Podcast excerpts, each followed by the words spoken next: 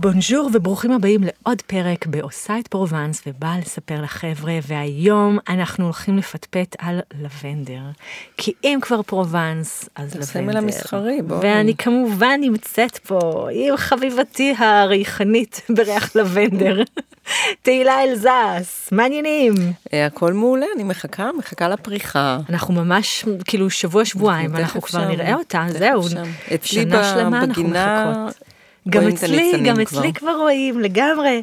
אז בואו נדבר רגע על טיול לבנדר בפרובנס, וחשוב לדעת, משהו שנורא נורא מאכזב, זה שהלבנדר לא פורח פה כל השנה. כן. יש לו זמן מאוד מדויק.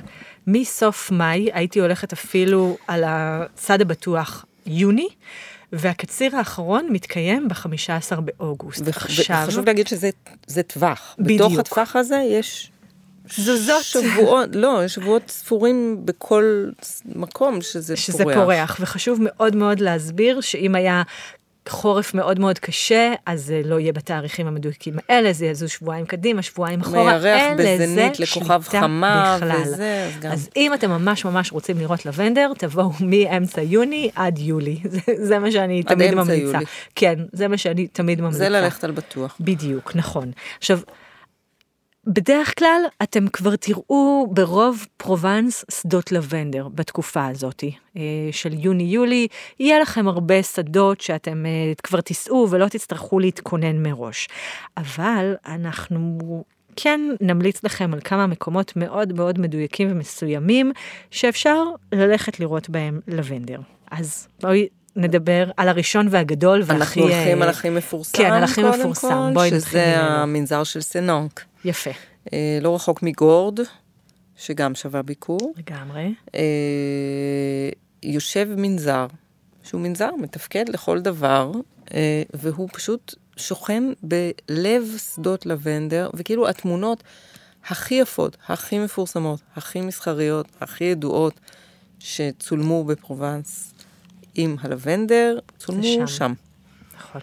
וחשוב לדעת שמדובר שם במנזר שנוסד ב-1148, וזה לא אזור תיירות. מה זאת אומרת לא אתר תיירות?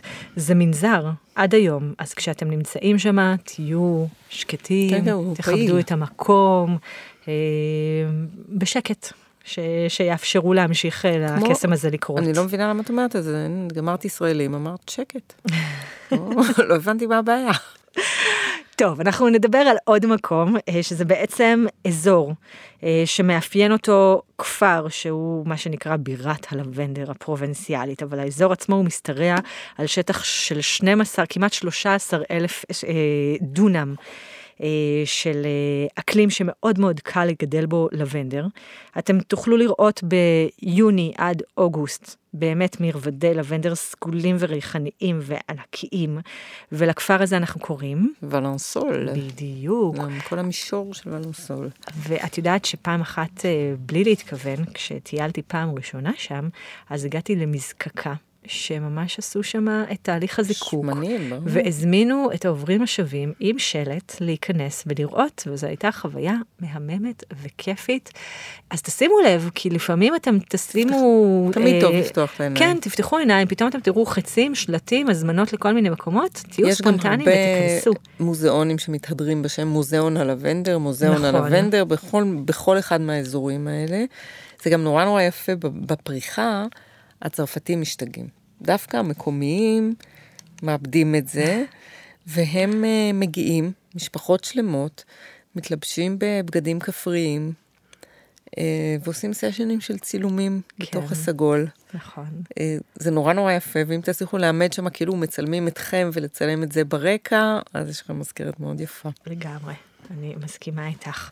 אני אגיד שתעשיית, הכלכלה הפרובינציאלית מתבססת גם בעצם על אה, תעשיית הלבנדר, יש תעשייה של כל אה, מוצרי הריח, הבשמים, הקרמים, אה, סבונים. סבונים כמובן, ויש גם תעשיית אה, טעם, וזה אומר שהם יוכלו לטעום בתקופת הלבנדר גלידת לבנדר, עוגיות לבנדר, יש גם גבינות. לבנדר. תבלין, נכון מאוד. נכון. אני כן אגיד שאו שמאוד אוהבים את זה, או שזה יש לזה טעם סבוני, כל אחד אה, ומה משהו מתחבר אליו, בדיוק. אה, אני גם אגיד שיש לבנדר ויש לבנדין, שזה לא אותו דבר, הלבנדין נראה בדיוק אותו דבר, אבל הריח והאיכות והמחיר שונים לחלוטין. הלבנדר זה בעצם ה...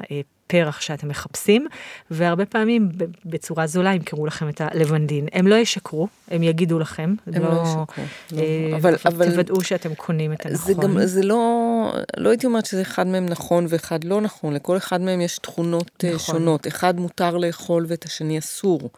למשל. אני גם אגיד אה, ש... בש, בשמנים שמוכרים, בדיוק, יש הלבנדר. תכונות שונות לשמן האתרי. זהו, הוא לא יותר טוב או פחות טוב. הוא, יש לו תכונות רפואיות, זאת אומרת מרפאות, והלבנדין לא, לא ימכרו אותו בדרך כלל כשמן רפואי. אה, זה מה שסיפרו לי אה, בחנות הלבנדר המקומית.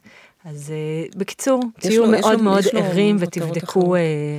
תבדקו בדיוק אה, מה אתם קונים, לאיזה מטרה. אני יודעת שהרבה פעמים שעושים איתי סיורים, אז מבקשים אה, שמן ומבקשים נגד יתושים ומבקשים כן. לכאב ראש. יש נכון. באמת, יש מלא מלא אופציות. ודווקא נגיד הריח יותר מרוכז בלבנדין ופחות נכון. בלבנדר, אז אם אתם מחפשים משהו שיהיה ארומטי יותר, זה דווקא הכיוון שם.